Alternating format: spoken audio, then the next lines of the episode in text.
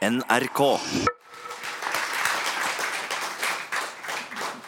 Da, etter mye om og men, så ønsker jeg velkommen til debatt her på Litteraturhuset med hovedspørsmålet om vi rett og slett føder for få folk i dette landet her.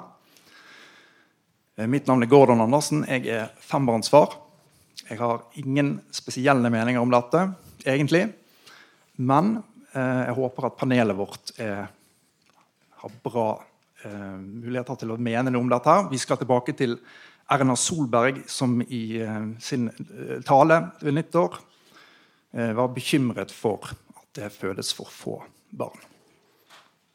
1,58 er gjennomsnittstallet for norske kvinner nå. Det er lavt. Aldri vært så lavt.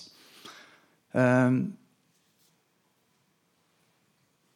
Er det sånn at det er for dyrt å ha barn? Er det for få bra menn? Er det for viktig med karriere? Er familieliv rett og slett blitt uh, uattraktivt for dagens unge? Eller er samfunnet lagt feil opp? Og så har vi også et annet hovedspørsmål som vi må prøve å besvare. Eller kanskje noen her kan besvare det. Og det er om det rett og slett bare er bra at vi blir færre. Ut fra et miljøperspektiv. Før vi begynner helt på alvor, så ønsker jeg bare at panelet kort presenterer seg sjøl og hvorfor de er i panelet. Hvis vi begynner med deg. Ja. Lill Mai Vestly er familiepolitisk talskvinne for Partiet De Kristne. Jeg kommer fra eh, bibelbeltet, hovedstaden Kristiansand, der nede. Eh, og eh, skjønner hvorfor jeg er parkert på den ytterst på den ene sida. Eh, Jeg heter Anne Eskil. Jeg er eh, professor på Universitetet i Oslo, medisin. Eh, Og jeg tror jeg er invitert her fordi jeg har i en årrekke skrevet kronikker i avisene om, om de urettferdige foreldrepengeordningene som jeg tror har betydning for reproduksjonsvalg.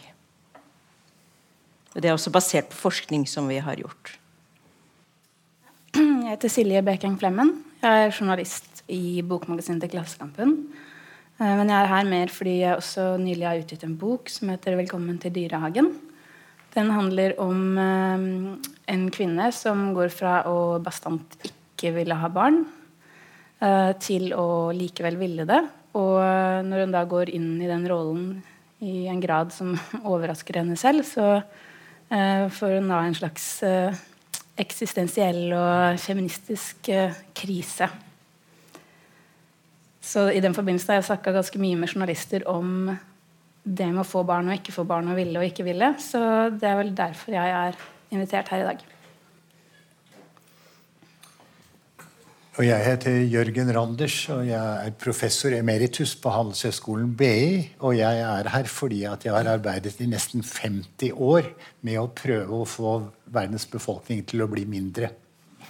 Eh, og det eh, gjør jeg fordi at jeg tror det er best for enkeltindividene om det var såpass få mennesker i verden, f.eks. 3,5 milliard, som var det tilfellet vi hadde i 1970. Jeg tror det er bedre for enkeltindividene om vi får det på den måten. Og jeg tror det er mye bedre for naturen om vi fikk det på den måten. Slik at natur og mennesker kunne koeksistere på vår lille planet. Jeg er Lars Dommermut. Jeg er seniorforsker i Statistisk sentralbyrå. Og eh, jeg er leder av et nytt forskningsprosjekt eh, som skal se på nedgang i fruktbeite i Norge og de andre nordiske land. Um, ja. Jeg tror det Du skal være eksperten vår her i dag og korrigere oss litt, håper jeg. Eh, På fødselstall kan jeg sikkert bidra med, og, men så har jeg mest sett i min forskning på sammenheng mellom uh, ulike individuelle bakgrunnstegn som utdanning, yrkesdeltakelse og fruktbarhet. Så det er min forskning. Og så I det nye prosjektet ser vi bl.a. på parrelasjoner, og spesielt også hva menn bidrar. fordi tross alt, uh, all endring vi har, er det fortsatt sånn at menn også spiller en rolle i den avgjørelsen om man får barn eller ikke barn. Jeg heter Erling Holmø, jobber samme sted som Lars. altså Jeg er seniorforsker i forskningsavdelingen i SSB. Jeg har i mm, en del år nå interessert meg for eh, velferdsstatens finansielle bæreevne.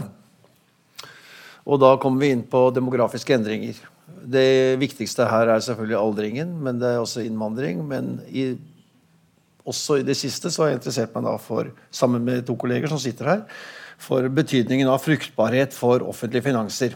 Vi skrev en rapport for Barne- og likestillingsdepartementet om, om det temaet der. Den skal vi komme tilbake til. Men jeg ønsker å begynne med Anne Eskil. Du eh, er seksbarnsmor eh, og eh, er også overlege ved kvinneklinikken på Ahus. Du har skrevet et sitat som jeg har lyst til å, å spørre deg hva du mener med. Men det er dette sitatet du hadde i, i Klassekampen. Der du sier at det er underlig at det å lage nye mennesker har fått så lav status i vårt samfunn. Hva mener du med dette? Uh, ja, med det så mener jeg altså i tidligere Tidligere så har jo dette med fruktbarhet på en måte vært hegnet om og vært sett på det som det sentrale i de fleste kulturer. Mens i vår tid, eller kanskje de siste tre generasjonene norske kvinner, så har man jo hva skal jeg si, oppdratt tre generasjoner norske kvinner til at svangerskap det er noe man skal forebygge. Inntil det passer. Um, og det passer jo egentlig aldri. Uh, og hvis man ikke forebygger svangerskap, så uh, får man livet ødelagt. Mer eller mindre. For det livet dreier seg om, det har jo egentlig skult være da utdanning og arbeid. Og det har jo blitt slik i Norge at man må egentlig ha arbeid for å få barn. Hvis ikke så taper man en årsinntekt i familiepenger. Eller, øh, og da, og slik at reproduksjonsarbeidet er jo egentlig nå bare for de med lønn. Og ditt reproduksjonsarbeid det måles i penger. Du får så mye foreldrepenger som du tjener. Og de som ikke får, de, de, som ikke har arbeid, de får engangsstøtte, og det er heldigvis blitt fordoblet nå. Eh, men tidligere så var kunne forskjellen mellom barn når de ble født, være 20 sånn ganger. Og slik at reproduksjonsarbeidet vi nå gjør, det måles i penger. Og da får du jo så mye verdt som lønnsarbeidet er. Og samtidig med dette så har jo alle velferdsordningene som har vært knyttet til omsorg, nesten blitt borte. Så Barnetrygden er jo verdt en brøkdel av det det var. Enkepensjonen er borte. Husmorvikaren er borte. Og, støtten til enslig forsørger er i prinsippet borte. Slik at reproduksjonsarbeid er egentlig ulønnet arbeid. Og lønnes egentlig bare for de med lønnet arbeid. Og da får de også lav status, reproduksjonsarbeid i seg selv. Men, men er, det dette som, altså, er det dette som er grunnen til at det går nedover med ratene våre? Spør du meg? Ja. Altså, jeg tror at en av grunnene til at det går ned, det er at du må forutsetter at du har lønnsarbeid for å få barn. Ellers så taper du en årsinntekt, og det er det nesten ingen som har råd til. Og da får du barn når du er 30 år eller eldre, og da rekker du jo ikke å få mange barn. Og det er først og fremst andelen kvinner som får mange barn, som har gått ned. og Det er det som påvirker reproduksjonsraten. Så det er nesten ingen lenger som får fire barn eller mer. Og til og med tre barn og mer. Tre barn er gått ned. Når, og det er også hvis du da har fire barn, så er det jo nesten umulig å ha fulltidsjobb. Slik at kvinner tvinges inn i et mønster hvor du får to barn maks når du er eh, 30 år og eldre. Og da går også ratene ned. Eh, jeg vil spørre deg, Silje eh, Flemmen, som har skrevet denne boken om 'Velkommen til eh, dyrehagen'. Der har du beskrevet en en, en, en, romanfigur som aldri skulle ha barn. Eller hun skulle aldri bli et sånt ekstremt slitent og ufikst, komplett ufokuserte vesen. Er det mange sånne der ute i dag? Uh, ufokuserte vesener? Som ikke vil ha barn? Som, jeg som ikke vil ha barn? Uh, ja, det ting tyder jo på det, da. I og med at fødselstallene er fallende. Eh, jeg vet ikke om jeg skal si så mye om, konkret om grunnen, men, men jeg føler at det er en del en stigma knytta til morsrollen som kanskje bidrar til å gjøre den litt mindre attraktiv. Eh, den går på tvers av de idealene man har til eh, å være Eller den går tilsynelatende på tvers av de idealene om å være ambisiøs og autonom og um, ja, være et individ som går rundt og tjener sine egne penger og, og er der ute i den såkalt virkelige verden. Da.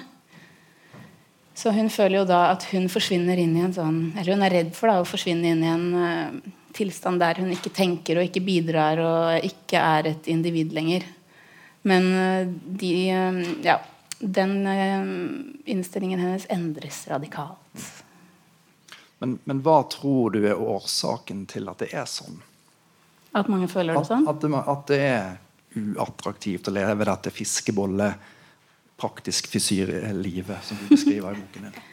Nei, fordi det, ikke, det stemmer ikke med, med, idealene i vår tid om, eh, ja, om det, som jeg sa, det å, å, være der ute og tjene penger og, og være selvstendig og sterk.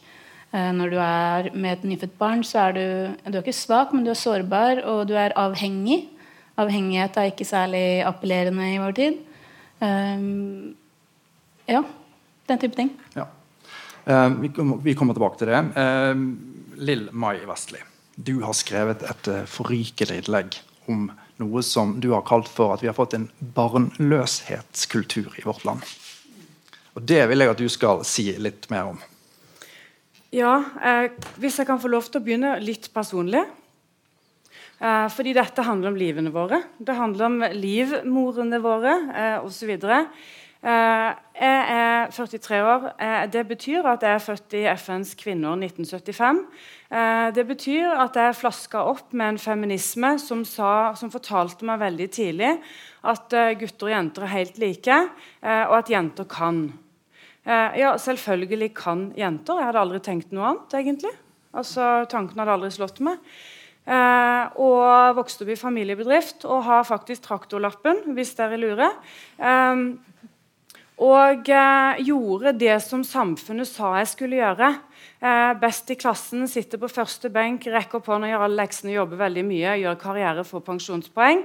Eh, vær uavhengig i tilfelle du blir skilt, eh, osv. osv. Eh, og dette var målet med livet. Det var nirvana. Det var veien til himmelen. Eh, og jeg gjør som de sier. Jeg er skilt to ganger da jeg var 22 år. Eh, det sa de òg var bra. Eh, så eh, etter da du og der skjønner, Litt slitsom start på det voksne livet, men i hvert fall eh, jeg snakker ut av erfaring og ikke bare statistikker, som disse herrene her borte antageligvis skal bidra med. Eh, men eh, jeg fant på et tidspunkt og leverte i barnehagen og du vet full rulle. Og jeg leverte altså min og gjorde karriere og lederstilling, og alle, alt kunne telles i tall. Det aner ikke den fine CV-en. Eh, og så eh, får jeg da mitt andre barn. Eh, og denne lille har tre døtre og en fosterdatter og noen til under mine vinger. Eh, og jeg leverer og er selvfølgelig en lederstilling og uunnværlig, som vi tror vi er. Eh, og økonomisk uavhengig og sånn. Og så får jeg denne dattera, og hele samfunnet sier at jeg må levere denne ti måneder gamle lille Nurket, dette rosa Nurket, i barnehagen. Eh, og jeg det, det, var et enormt trykk. altså Nord-Korea snakker vi nå. altså Om tabu. Eh, å si at du vil være hjemme med barn. Du blir sosialt hengt, latterliggjort, håna. Jeg vet ikke hva. Eh, det var nokså sjokkerende, siden jeg tross alt hadde fulgt alle måte reglene opp igjennom. Plutselig så hopper jeg av. Altså, eller Jeg leverer da lille, den lille ungen i barnehagen, og hun griner, og jeg griner. Eh, og jeg går ut Jeg trodde mitt morshjerte skulle bli revet i to. altså. Um, og jeg klarer nesten ennå ikke å snakke om dette uten å begynne å grine. Og Jeg gikk ut på den parkeringsplassen og sto foran den bilen og tenkte og jeg bare, jeg tenkte, dette her er stein galt.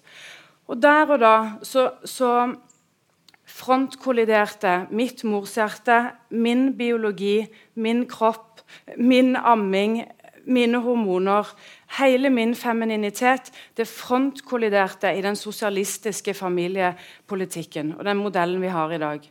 Um, og etter en stund så jeg gikk hjem og var så rasende jeg skrev en kronikk. Kjære feminister, jeg er en husmor fra Sørlandet. Eh, og Dette ble mitt tipping point. Og jeg har, eh, jeg har, bensin nok på tanken til jeg skal holde på til jeg ikke trekker pusten mer. For jeg er altså så rasende på den feminismen som har forbudt meg å være mor. Før fikk ikke kvinner lov å jobbe. Det handla om en organisering av samfunnet. og det var sikkert mye feil med det også. Men i min generasjon vi får ikke lov til å være mor.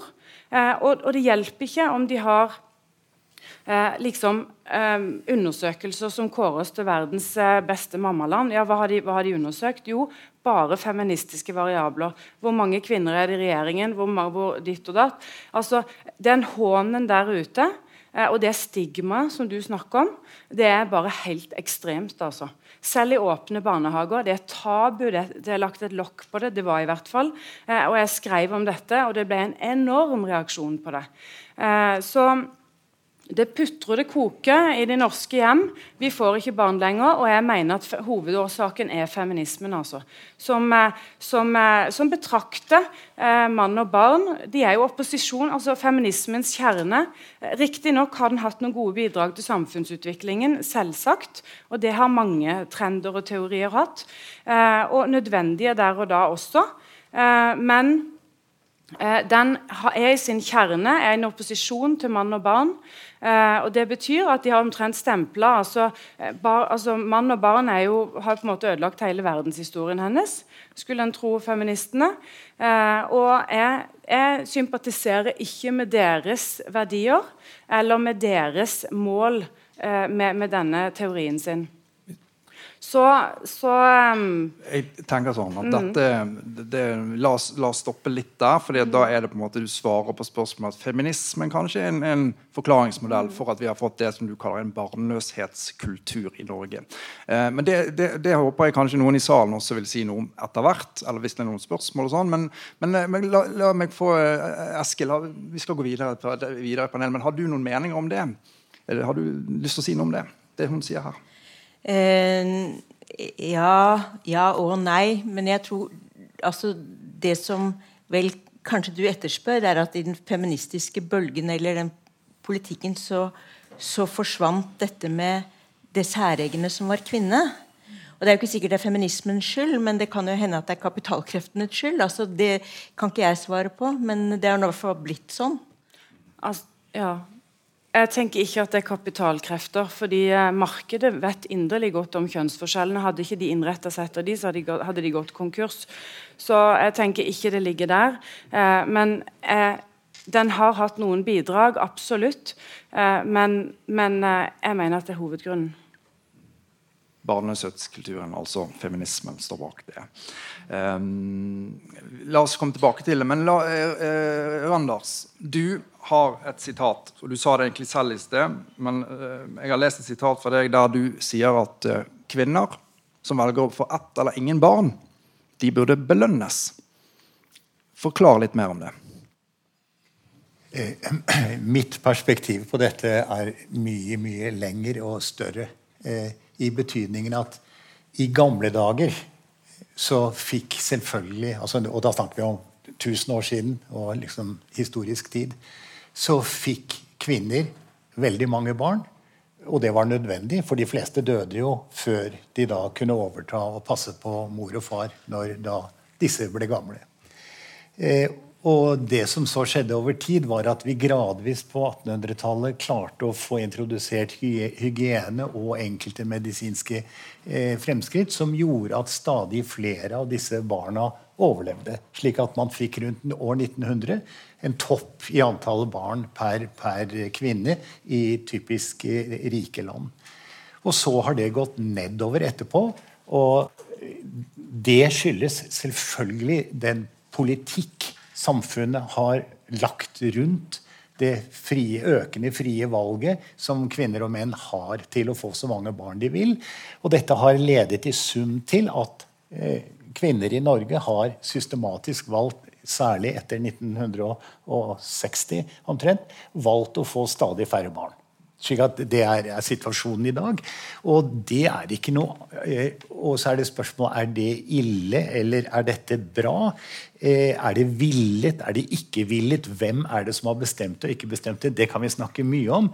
Men det som er fantastisk viktig, er jo å huske på at på en begrenset klode så nytter det ikke å ha 18 barn eh, per, per eh, kvinne i lang tid, som er det antallet du ville få hvis du hadde optimal helseomsorg, optimal utdanning av, av, av kvinner, ut, optimale leveforhold og støttegreier. Så noe gjøres, eh, må gjøres på, på, området.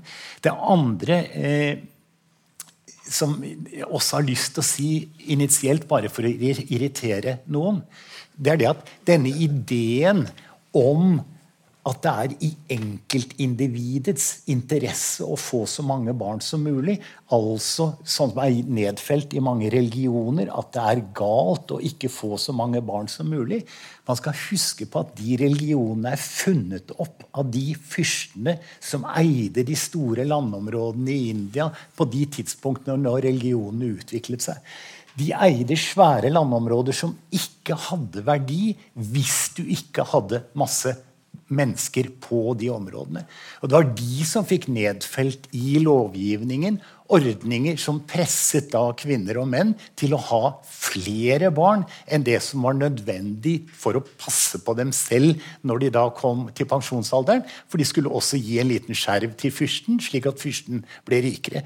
Slik at i mine øyne så er hele denne fokuset på ubegrenset fertilitet kommer det er sosiale krefter, og det er overklassen som har pådyttet dette på underklassen, og bruker religion som et veldig nyttig verktøy for å få det til å virke som om alle bør ha så mange barn som mulig. Og det som nå skjer, når da kvinner under de omstendighetene som eksisterer i dette landet, velger å ha stadig færre barn, og det gjør de også i alle andre rike land som det er meningsfullt å, å sammenligne med oss, så er dette i opposisjon mot religion og i opposisjon mot elitens interesser, og i mine øyne i deres egen interesse.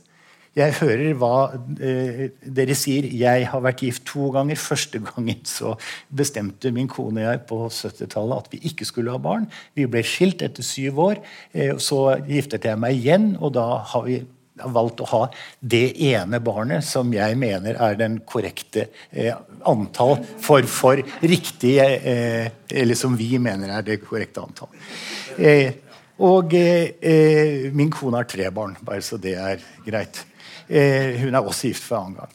Og det siste er at, at eh, jeg har total sympati med innleggene fra min venstre side om at det er rammebetingelsene rundt beslutningen eh, om å ha barn eller ikke ha barn, som i hovedsak styrer eh, dette. Det er et, selvfølgelig et visst biologisk ønske underliggende, men det er stort sett rammene. Og for å få det til sånn som jeg tror verden trenger, nemlig færre barn, enda færre barn enn det vi har nå, og spesielt i den rike verden Min datter er 30 ganger så farlig som et fattig barn i, i India. Hun forbruker, Hennes økologiske fotavtrykk er 30 ganger så høyt som en fattig liten jente i India. Så det er min datter som er problemet i verden hvis står opptatt av overbefolkning. Det er ikke eh, masse indre. Men for da å oppmuntre til ytterligere nedgang i barnetallet, så har jeg sagt at jeg syns det vil være fornuftig at de mødre som gjør det offer å ikke ha noen barn, skulle kompenseres for dette når de blir 50 år gamle, ved å få utbetalt 1 million kroner, som er omtrent de to årsverkene samfunnet sparer på ikke å måtte drive barnehage, ikke måtte drive grunnskole, ikke måtte drive videregående skole, ikke måtte drive universitetsutdannelse. Regn gjennom. Samfunnet betaler ca. to årsverk for å få alt opp en unge fra fødsel til 25. Vi skal tilbake igjen til de tallene der på, på høyresiden din. Men du, du har ett barn. Eh, hva, du skal få svare konkret på det. Hva syns du er et passende eh, gjennomsnittstall for norske kvinner når det er 1,58? Hva vil du si ideelt? Jeg? jeg? Ja. 1,5 er helt greit. Det er greit. Fordi at da vil befolkningen i verden den vil nå en topp opp rundt midt på 2040-tallet på ca. 9 milliarder. Og hvis alle hadde ett og et halvt barn, så vil du komme da ned igjen til ca. 4 milliarder i år 2100. Og da begynner du å nærme deg det som er bærekraftig, dersom du ønsker at alle de fire milliardene skal ha et høyt konsum. Altså sånn som vi har. bruker mye energi og spise mye mat og kjøre og reise og holde på. Hvis du går med på å ha det dårligere, så kan du akseptere en høyere befolkning. Hvis du vil at enkeltindividene skal ha det enda bedre, så burde man gjøre som jeg, gå ned til én. Men ok, Det er fint. Eh, la oss gå videre til Lars eh, Dommermuth. Du er seniorforsker eh, ved SSB. Og du har uttalt tidligere at hvis dagens unge ikke får de barna de ønsker seg, så er det grunn til bekymring. Hva syns du om det som sies har, er blitt sagt her nå, så langt? Ja, det var et pust... Ja, det, det, har jeg sikkert sagt. Men det var et sitat som man gjerne sier når man sitter i et paneldiskusjon tatt ut av sammenheng. Men uh, Sånn så, jeg skal komme tilbake til det på slutt. så Her var det mye å ta tak i. så Det første jeg vil, det er tre punkter jeg vil egentlig ta opp. Det første er hva Anne sier, at ratene går ned fordi færre får tre eller fire barn. Det stemmer til en viss grad. Vi må huske at uh, 2018 var den raten vi snakka om her hele tiden, oppe på 1,98. Og den raten som er da samlet fruktbarhetstall, det betyr egentlig hvis dagens mønster fortsetter, da vil en kvinne få 1,98 barn i snitt. og det var for da det var 2009. Nå er vi 2018, nå er den raten ned på 1,56. Det betyr ikke at dagens kvinne vil faktisk få 1,56 barn. Fordi dette mønsteret går opp og ned. Det er periodemål.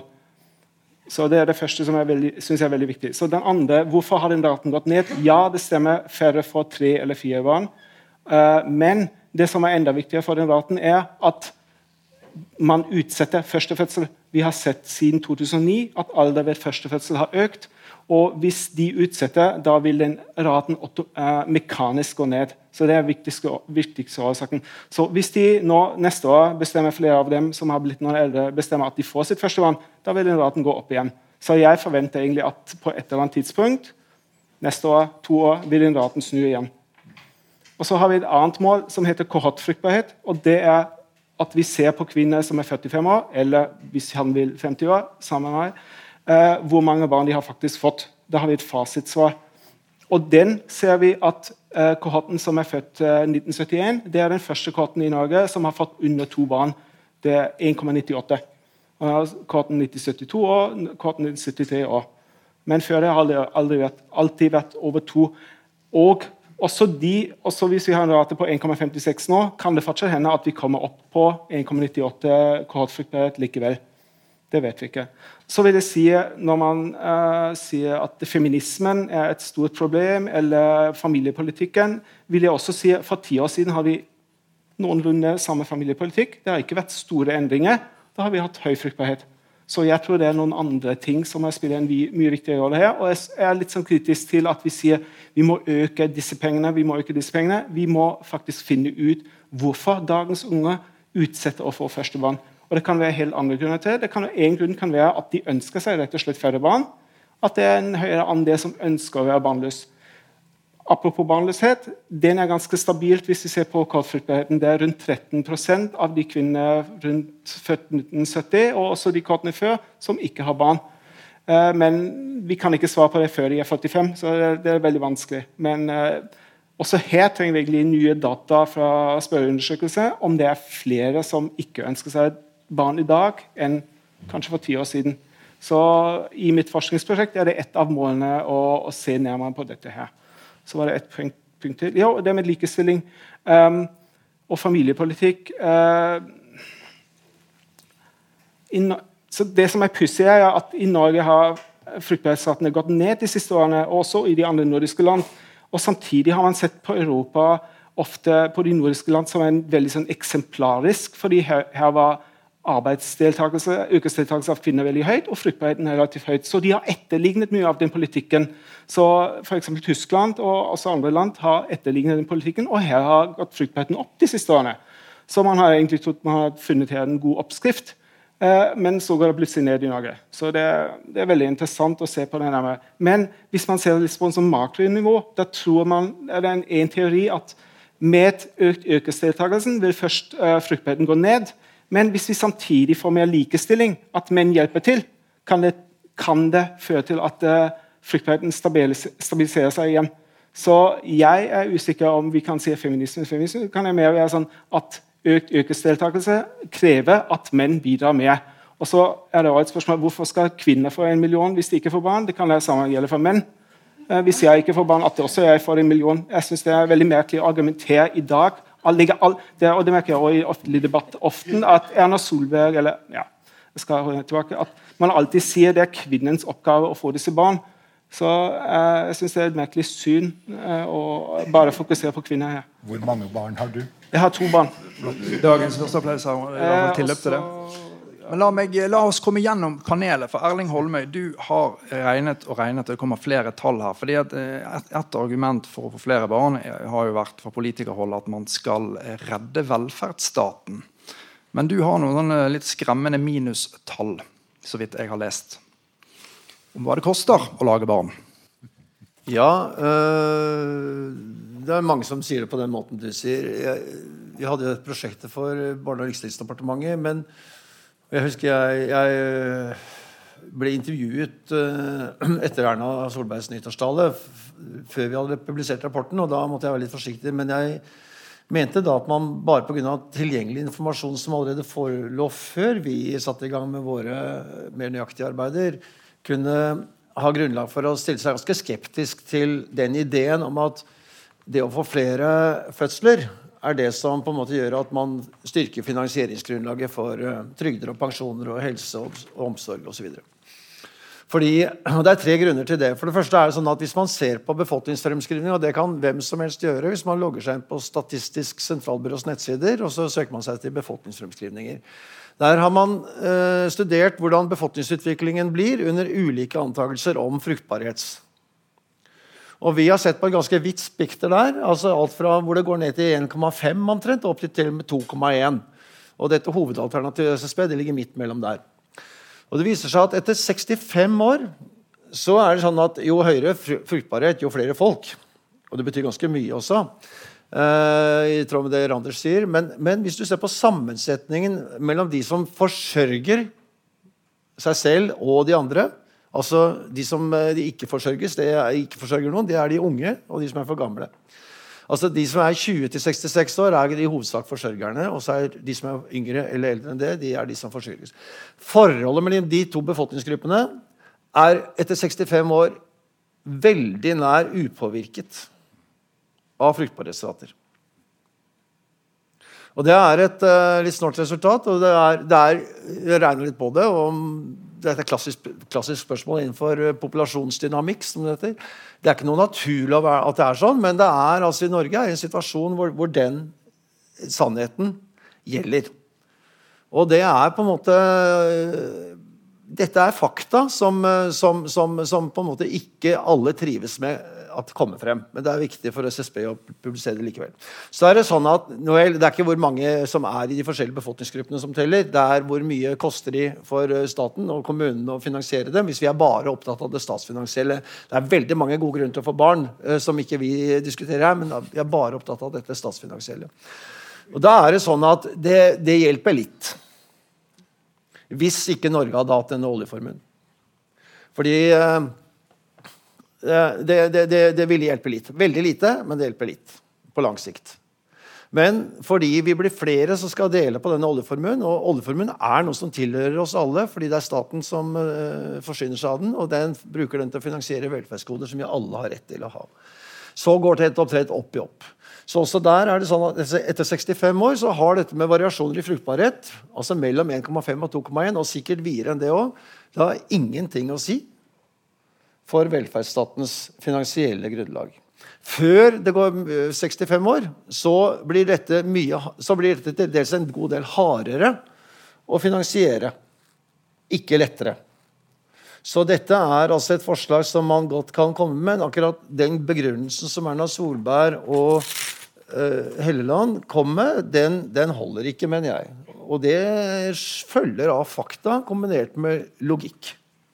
Det er ikke noe føleri eller politikk i dette her.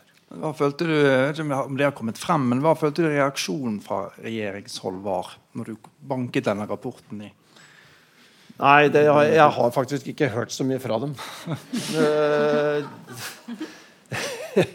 eh, nei, jeg har ikke det. Du, du, du, er ikke ute etter noe føleri, eller noe sånt, men 1,58 er tallet. Men hva syns du er et bra tall?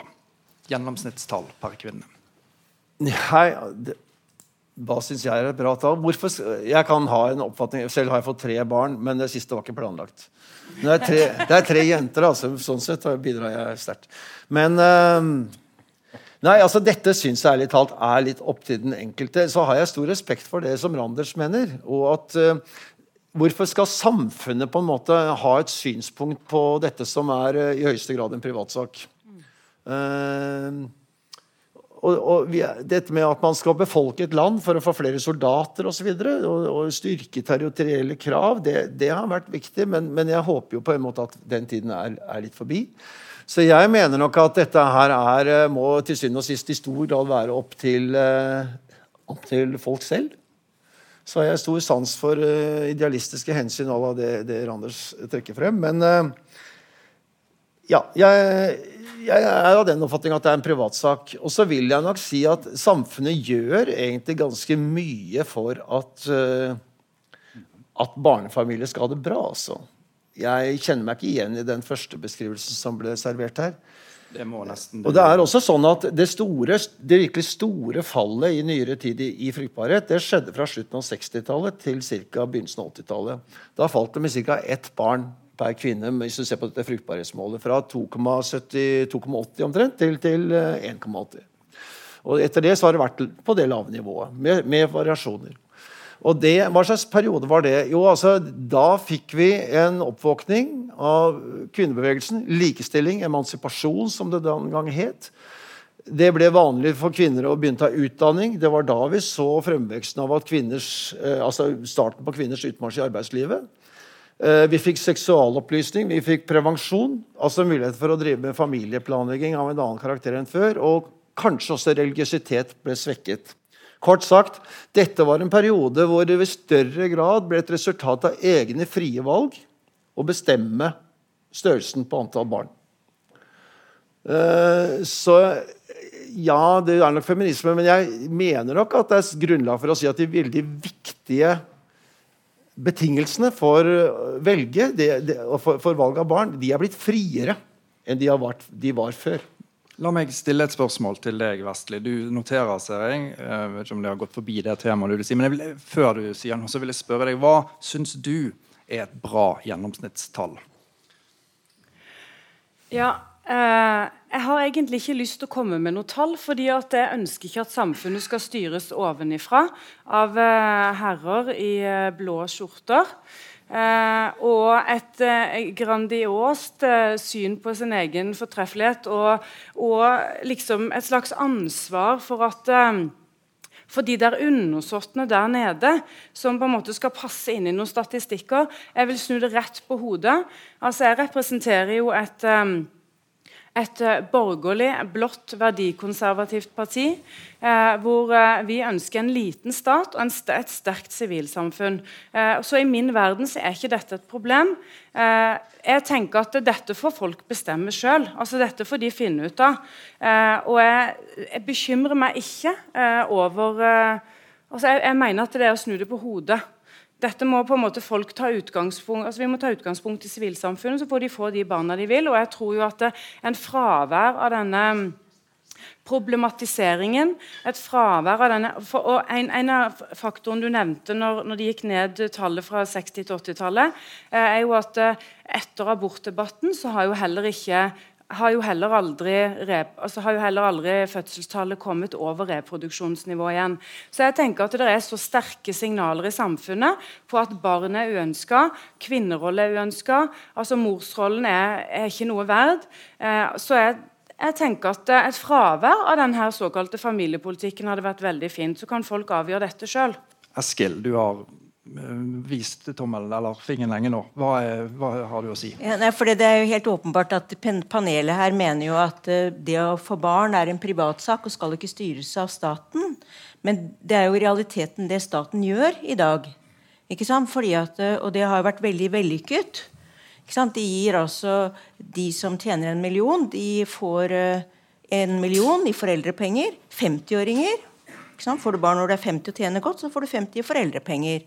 Mens de som ikke har inntekt, de får i dag en uh, kontantstøtte, eller heter ikke det, det heter engangsstøtte, som heldigvis nå er blitt fordoblet, men er 80 000. Så forskjellen er så stor uh, at en som ikke Så det er faktisk slik at kvinner i dag de planlegger å få barn når de har lønnsarbeid. Da er de jo 30 år, for det er mange som ikke har og mange har jo ikke lønnsarbeid engang. De faller utenfor og derfor ikke får barn. Og så, hvis du da blir ikke planlagt gravid når du ikke har lønnsarbeid, så er altså risikoen for at du tar abort fire ganger høyere enn når du har lønnsarbeid. Slik at staten styrer reproduksjonen ved å, ved å belønne de som tjener mye, for å få barn. Mens de som ikke tjener noe, de faller ut og får ingen belønning. på det, Og det er ekstremt suksessrikt. ikke sant? 30% av norske kvinner de får ett barn eller ingen barn. Og det er nesten ingen som får barn under 25 år. Altså føds, eller Graviditetsraten hos norske kvinner under 25 år er så lav som den aldri har vært før. Så hele denne ordningen er på kollisjonskurs med biologien. Og ikke bare det, men den er også på kollisjonskurs med velferdsstaten. Så de som tjener mest, de får mest når de får barn.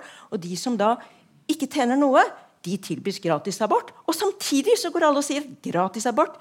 Det er det viktigste eh, eh kvinners viktigste rettighet.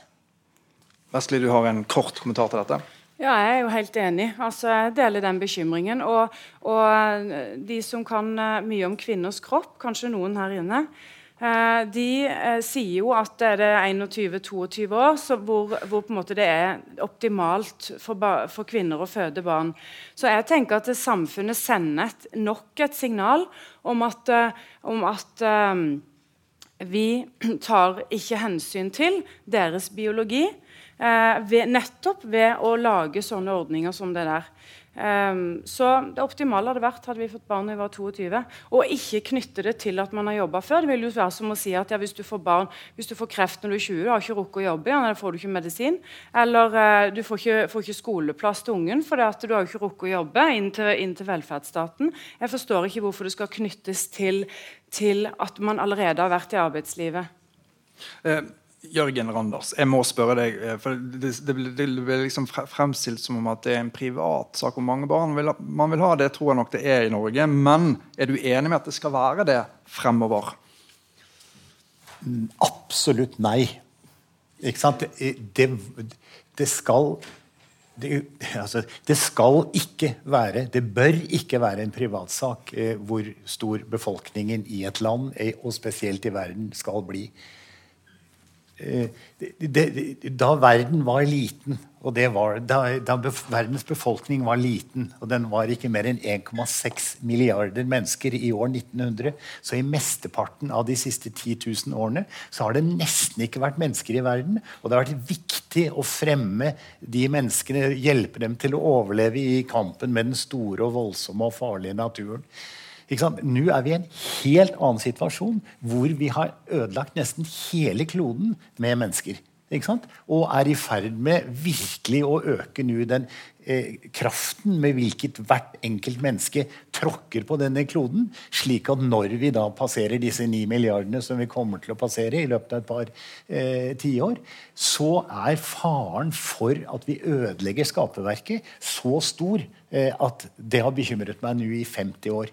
Og Det som virkelig bekymrer meg, er jo å se hvor ufattelig vanskelig det er å nå frem til enkeltindividene, selv i rike land. Selv i land hvor folk er passet godt på. Selv i land hvor det er høyt utdanningsnivå, støtteordninger og filibombomom, så får vi ikke dette til. Folk tror fortsatt at det bør være en privatsak hvor mange, hvor mange barn du har i en stappfull verden. Det bør det ikke være. Jeg skjønner etter 50 år og ikke har nådd frem, at det er ikke, folk kommer ikke til å høre på meg. Men det er fortsatt mitt syn at dette er rollen for staten, for fellesskapet, å innstille en optimal befolkning for et land. Klart og tydelig for deg der, Yes. selv om det var litt overraskende. Burde, men det burde kanskje ikke overraske meg. Men du, Silje Bakeng Flemmen, du vil si noe om dette. Ja, men Jeg har egentlig et spørsmål til deg. Ja. For uh, uh, jeg deler din bekymring for klodens tåleevne. Den holder meg våken om natta. Ja. Uh, for jeg har to små barn. Ja. Og, men så lurer jeg på det med at du eh, sier at vi skulle gitt en million til de som velger å ikke få barn, eller velger å få bare ett barn. Eh, og samtidig så sier de jo som eh, riktig er at eh, det er de rikeste som er problemet. Men hvis du skal ta det, den ideen din i global skala, da, så vil jo, vil jo da være bare de rikeste som har råd til å ikke ta imot den millionen. Hvis du skjønner hva jeg mener? Dette, amen. Dette Og det vil, jo, vil ikke det forsterke klasseforskjeller? Og, og, og altså bare de rike vil da ha råd til å få de barna de ønsker seg? Dette har du helt rett i, men nå må du ikke gjøre den feilen som gjøres i absolutt alle diskusjoner. Og det er å bringe inn fordelingselementet. Det er helt klart at helt isolert sett så ville dette eh, gjøre at eh, Altså, det vil, det vil øke forskjellene. Men, men poenget er at i neste runde, hvis du skulle gjøre denne typen ting, så ville i hvert fall jeg ha gjort det ved at du hever skatten på de 10% rikeste i befolkningen og bruker den til å betale denne millionen til dem som ikke får barn. Altså Slik at du i samme slengen gjør en omfordelingseffekt som er sterkere enn den du ellers ville hatt. Ja. Så, er, så, så når jeg har slått, dette har jeg slåss for i ca. Som, som jeg sier, 50 år. Og, og så min løsning er at, at for å løse klimaproblemet, for å løse matvareproblemet, for å løse fattigdomsproblemet i den fattige verden osv. Det eneste du behøver å gjøre, er å heve skatten på de 10% rikeste i den rike verden. Jeg tilhører den 10 %-gruppen. Få opp, altså Bare doble deres inntektsskatt er mer enn nok til å løse absolutt alle eh, fattigdoms- og matvare- og omfordelingsproblemer i hele verden. Dette skjer, dette skjer ikke.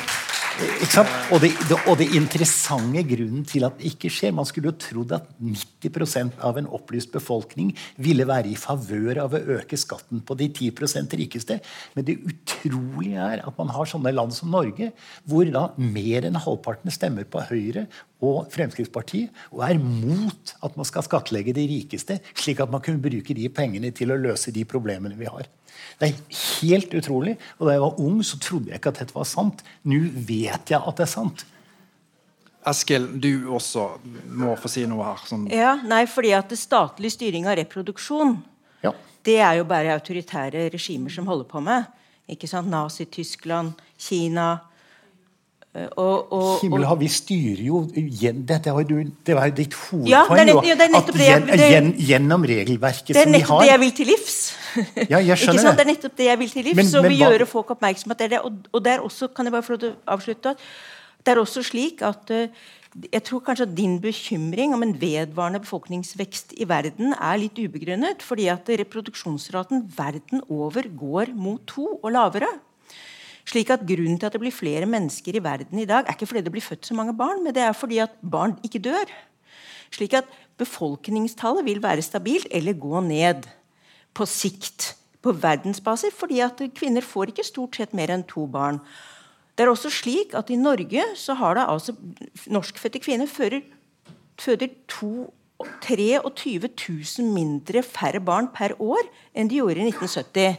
Og det er altså ikke blitt is på, jo, mer is på Jostedalsbreen av den grunn. Slik at Det er ikke sånn at det er en gitt sammenheng mellom antall barn, og man skal i hvert fall ikke gi barna skylda for, for for, for, for klima. Det er jo nærmest blitt den nye religionen, denne klimakrisen.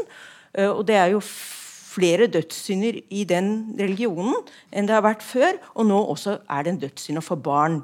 Og det skal staten styre, det men det er helt meningsløst. Jeg er enig. Eh, Holmøy, du vil si noe her.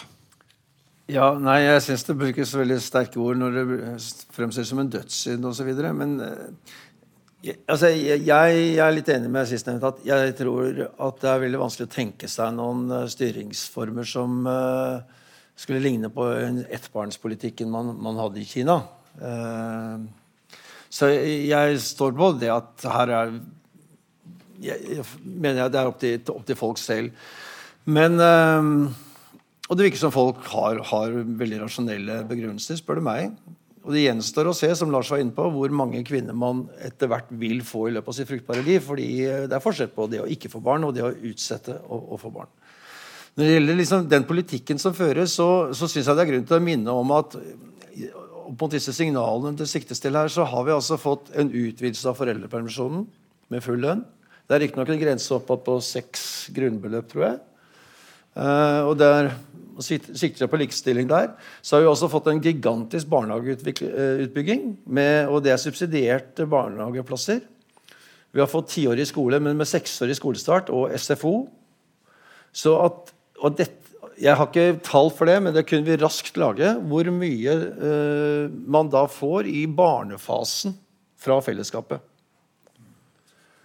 å fremstille dette. Og I tillegg så har vi jo dette at selve utsiktene til å ha et godt liv At barn fødes, som fødes i Norge, de, de, er ganske sikre på å få et godt liv. Og det er ikke et liv hvor uh, det viktigste funksjonen til et barn er å være forsørger, altså være pensjonen til foreldrene. Så det en gang var. Så jeg syns det er veldig mange ting som tyder på at er, man er et fritt valg, uh, men hvor, hvor veldig mye av politikken egentlig har gjort det lett og relativt sett å, å få barn selv om man er i jobb, begge foreldrene. Lars, du eh, gjorde et tegn. Kunne jeg, kunne jeg, få lov til å legge til én ting til? Ja. Og det er dette med, reproduksjon, dette med reproduksjonstallet på 2,1 eller 2,08 eller man kan regne fint på det. Det er veldig stilisert og teoretisk betraktning. Hvis man har som en øde men, men øy med som ingen kontakt med omverdenen, så er det sånn. Selv med en eh, fruktbarhetstall på ned mot 1,5 så vil befolkningen i Norge øke, ifølge befolkningsprognosene fra SSB, med 1 million fra i dag til 260, 2060. Det er selvfølgelig mye innvandring som gjør det, men også det at det er mange kvinner som føder. Og selv om de da ikke fører to barn eller passer fruktbare alder, så er det mange som, som føder.